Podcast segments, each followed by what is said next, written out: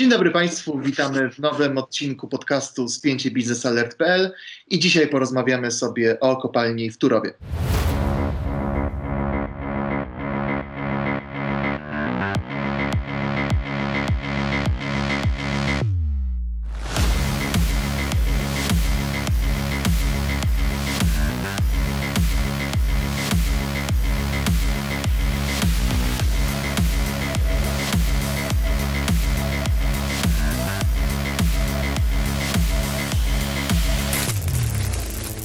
Dzień dobry Państwu, ja nazywam się Michał e, Perzyński, ze mną jest Mariusz Marszałkowski. Jesteśmy dziennikarzami biznesalert.pl i e, tematem dzisiejszego e, spięcia będzie rozwój wydarzeń wokół mm, kopalni węgla brunatnego w Turowie. Po wielomiesięcznym sporze udało się właśnie ten spór zakończyć.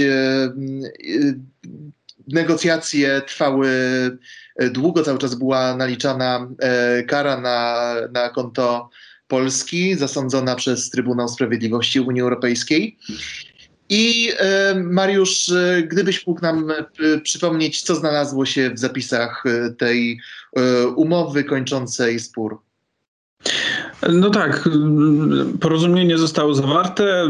W zasadzie odtrąbiono wielki sukces, że wyszliśmy z tego impasu, który nam ciążył przez ostatnie no prawie rok, no bo proszę pamiętać, że skarga czeska była złożona pod koniec lutego 2021 roku do Trybunału Sprawiedliwości Unii Europejskiej, więc e, cała ta, cała ta procedura już niedługo będzie mijał rok od, od nieporozumienia, które zaszło pomiędzy Pragą a Warszawą. I rzeczywiście porozumienie zostało podpisane. Podpisane, które, porozumienie, które mm, ma obowiązywać przez 5 lat, czyli to jest pewien element, który mm, przynajmniej z doniesień wokół rządowych sugerują polskie, mm, jakby przyjęcie pewnych polskich warunków, bo pamiętajmy, że na jesieni te porozumienia, pomimo iż podobnej treści, które zostało teraz przyjęte, nie zostało przyjęte ze względu na to, że były rozbieżności co do czasu trwania tego porozumienia. Czesi oczekiwali, że będzie ono obowiązywać przez e, cały okres e, funkcjonowania tej kopalni. My z kolei chcieliśmy, żeby to porozumienie trwało jak, e, jego okres obowiązywania był jak najkrótszy, czyli od dwóch do pięciu lat.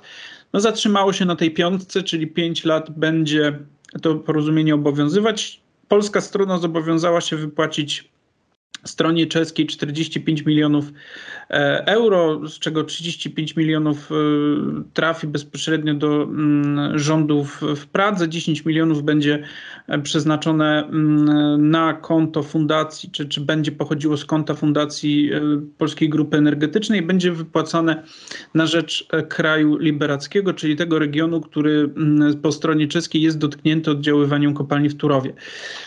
Poza tym zobowiązaliśmy się do mm, powiększenia, czy cały czas, czy, czy budowy, rozbudowy tego, mm, tej bariery wodnochłonnej, która ma nie dopuszczać do, przys, do, do przechodzenia wody do, e, do, do przepły, przepływania wody z gruntowej z Czech do Polski, do, do, tej, do, do, do tej kopalni. No i oczywiście cały zakres monitoringu środowiskowego, czyli Czesi będą mieli dostęp do wszystkich mm, badań, które są realizowane właśnie w kopalni Turowie, jak ona będzie wpływać na środowisko. No i oczywiście też ważny element, czyli nasyp, usypanie zimnego wału, który będzie mm, chronił mieszkańców po czeskiej stronie przed pyłem i hałasem dobiegającym właśnie z tej kopalni. Także to jest ten pewien zakres e, mm, tego porozumienia, które zostało z Czechami e, podpisane. Czyli e, właściwie zostały spełnione wszystkie oczekiwania strony czeskiej, mm, które miała praktycznie od samego początku tego sporu, tak? Czyli chodzi o tutaj konkretne inwestycje mające ograniczyć wpływ y, środowiskowy kopalni w Turowie. I czy uważasz, Mariusz, że na to miała wpływ zmiana y, władzy w samych Czechach, czy to, czy to pomiędzy rządem premiera Babisza a rządem e, Prawa i Sprawiedliwości mogło dochodzić do jakiejś, nie wiem, próby sił i dopiero zmiana na stanowisku ministra klimatu i środowiska w Polsce i w samych Czechach musiała nastąpić, żeby udało się osiągnąć to porozumienie? No myślę, że tak. Myślę, że tak. Myślę, że tutaj zmiana rządu w Czechach e, odgryła, odegrała bardzo duże znaczenie, bo trzeba pamiętać, że za poprzedniego czeskiego rządu tych spotkań bodajże było 17. Tak, wszystkie e, bezskuteczne. wszystkie były bezskuteczne. E, wszystkie były, kończyły się fiaskiem. E, strona polska już, e, co raczej nie zdarza się w takich, na takich etapach negocjacji, już wyrażała takie zniecierpliwienie i, i dosyć pozwalaliśmy sobie, czy przedstawiciele negocjatorów po stronie polskiej przy, pozwalali sobie już na takie e, dosyć nerwowe reakcje w stosunku do, do Czech, e, do czeskich negocjatorów, czyli oskarżanie o zrywanie negocjacji, wyjazdy z, z Pragi, takie, no to oczywiście jest element negocjacji i, budowania takiego napięcia negocjacyjnego, natomiast ono, ono nic nie przyniosło pozytywnego, poza tym, że Mm, no w zasadzie y, tutaj jest ten element związany z tym środkiem zaradczym, który został wprowadzony w czerwcu, pod koniec maja 2021 roku, a więc w nakazie wstrzymania pracy kopalni w Turowie, czyli tego, mm, tego zalecenia, które my, do którego my się nie dostosowaliśmy, którego my nie spełniliśmy, a które potem w zasadzie od października, do końcówki października mm, kolejną decyzją Trybunału Sprawiedliwości e, oznaczało codzienne nakładanie półmilionowej, pół miliona euro kary na nasz, y, na, nasz, na nasz kraj za to, że nie spełniliśmy tego, tego zalecenia. No i y, patrząc, że z perspektywy takiej, co się stało po wyborach w Czechach, że doszło do jednego spotkania mm, minister Moskwy z mm, minister środowiska i klimatu e, Czech, e, panią Hubaczkową. E, I w zasadzie no, niektórzy spodziewali się porozumienia już wtedy, podczas tego spotkania. Ono jednak trwało trochę dłużej, natomiast rzeczywiście ono do niego doszło i to jest to, co ty powiedziałeś. No, tutaj z perspektywy takiej, jak się patrzy na to z zewnątrz, to Czechy są zdecydowanym wygranym tego sporu, no bo patrząc tego, czego oczekiwali, oczekiwał kraj liberacki, czego oczekiwali Czesi, Mm, jeszcze w latach 2018, 19, 20, kiedy te, te, te wszystkie spory trwały, oni oczekiwali właśnie głównie budowy tej, mm, tej, e, tej, tego ekranu E, który ma ochronić wody czeskie przed do, przedostaniem się do Polski, no i e, pewnych inwestycji rzędu 10 milionów euro, w zasadzie wtedy to szacowano na około 10 milionów euro inwestycji mm, w projekty hydrologiczne po stronie czeskiej. No tak, dzisiaj... Czesi swoją drogą narzekają bardzo mocno na suszę i to od wielu lat. No właśnie, no to też jest pytanie. Mamy, Cze, Cze, Czechy jako państwo są najbardziej, jednym z najbardziej narażonych na suszę państw Unii Europejskiej. Zresztą my nie jesteśmy lepsi, ale myślę, że w Czechach jest jeszcze gorsza sytuacja.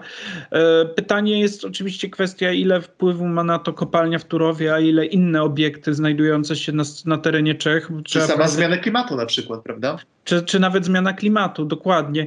I tutaj jest oczywiście ten element. Mm, dosyć, e, dosyć ciekawy. Ja bym tu też zastanawiał się pod kątem tego, tych, tych kary, czyli tego, tej kary nałożonej mm, przez Trybunał Sprawiedliwości za niestosowanie się do zaleceń do, do wykonania środku zaradczego w postaci zamknięcia e, kopalni w Turowie, bo już słyszymy mm, ze strony Komisji Europejskiej, że te kary i tak będą z polskiej strony ściągane, czyli te 68 milionów euro, które zostało od momentu e, podjęcia tej decyzji do mm, momentu osiągnięcia porozumienia, 68 milionów euro już się nam nazbierało tej kary. No, Doliczając do tego y, te 45 milionów euro, które, mm, które już są, y, które zobowiązaliśmy się wypłacić Czechom, plus koszty budowy nasypu i koszty mm, prowadzenia całej e, inwestycji związanej z tym ekranem. Zbierze się gigantyczna kwota. No to jest, to jest naprawdę gigantyczna kwota i ona jest ogromna. I teraz pytanie, czy my możemy nie płacić tej kwoty? To znaczy, my i tak ją zapłacimy, po prostu Komisja Europejska zabierze ją sobie z pewnych puli pieniędzy, który ma być przeznaczony w ramach dotacji dla Polski. To jest raz. Dwa, no, my tutaj się, komisja uważa, to znaczy stanowisko komisji jest takie, że my nie dostosowaliśmy się do środka zaradczego. Nie wykonaliśmy za, z, tego środka zaradczego, który został nałożony na nas przez Trybunał Sprawiedliwości Unii Europejskiej, a więc e, e, z racji niewykonania tego środka do momentu osiągnięcia porozumienia ta kara i tak nam się należy. Mhm. Czyli i tak tą karę musimy zapłacić. To, to jest jakby pogląd Komisji Europejskiej. My się z tym poglądem nie zgadzamy, bo uważamy, że no, to, to ten środek zaradczy mm, musi, był złożony jeszcze zanim zapadł wyrok Trybunału Sprawiedliwości. Czyli jakby ten środek zaradczy nie może być stosowany w momencie, kiedy osiągnięto porozumienie. Teraz pytanie, co my możemy zrobić? No my nic nie możemy zrobić z tym w zasadzie, no bo i tak te pieniądze, jeżeli Komisja Europejska zdecyduje się je zabrać, to i tak je zabierze. Ja bym nie wykluczał tego, że za jakiś czas pojawi się spór e, przez Sąd e, Unii Europejskiej, a potem może Trybunał Sprawiedliwości Unii Europejskiej, co będzie pewną ironią, E, którą wytoczy polski rząd Komisji Europejskiej w sprawie właśnie tego, tych 68 e, milionów. No to by było ciekawe rozwiązanie, w sensie ciekawe, ciekawy konstrukt. Politycznie, zważy... prawda? Tak, zważywszy na to, że, że Trybunał Sprawiedliwości sam nałożył tą karę, oczywiście pod mm, tę karę, ten, ten, ten środek zapobiegawczy. No i tutaj na pewno te najbliższe miesiące będą ciekawe pod kątem tego, jak my będziemy starali się rozwiązać sprawę tych 68 milionów euro. Tak, z pewnością jednak e, e, samo podpisanie umowy pomiędzy Polską a Czechami rozwiązało pewien problem w ten sposób, że już nie jesteśmy dalej w pewnym impasie. Natomiast cały czas kwestią otwartą pozostaje to, co dalej z tą karą. I o tym na pewno będziemy informować w następnych odcinkach spięcia. Ja, ja się nazywam Michał Perzyński, rozmawiał ze mną Mariusz Marszałkowski. Dziękujemy za uwagę i do usłyszenia. Dziękujemy, do usłyszenia.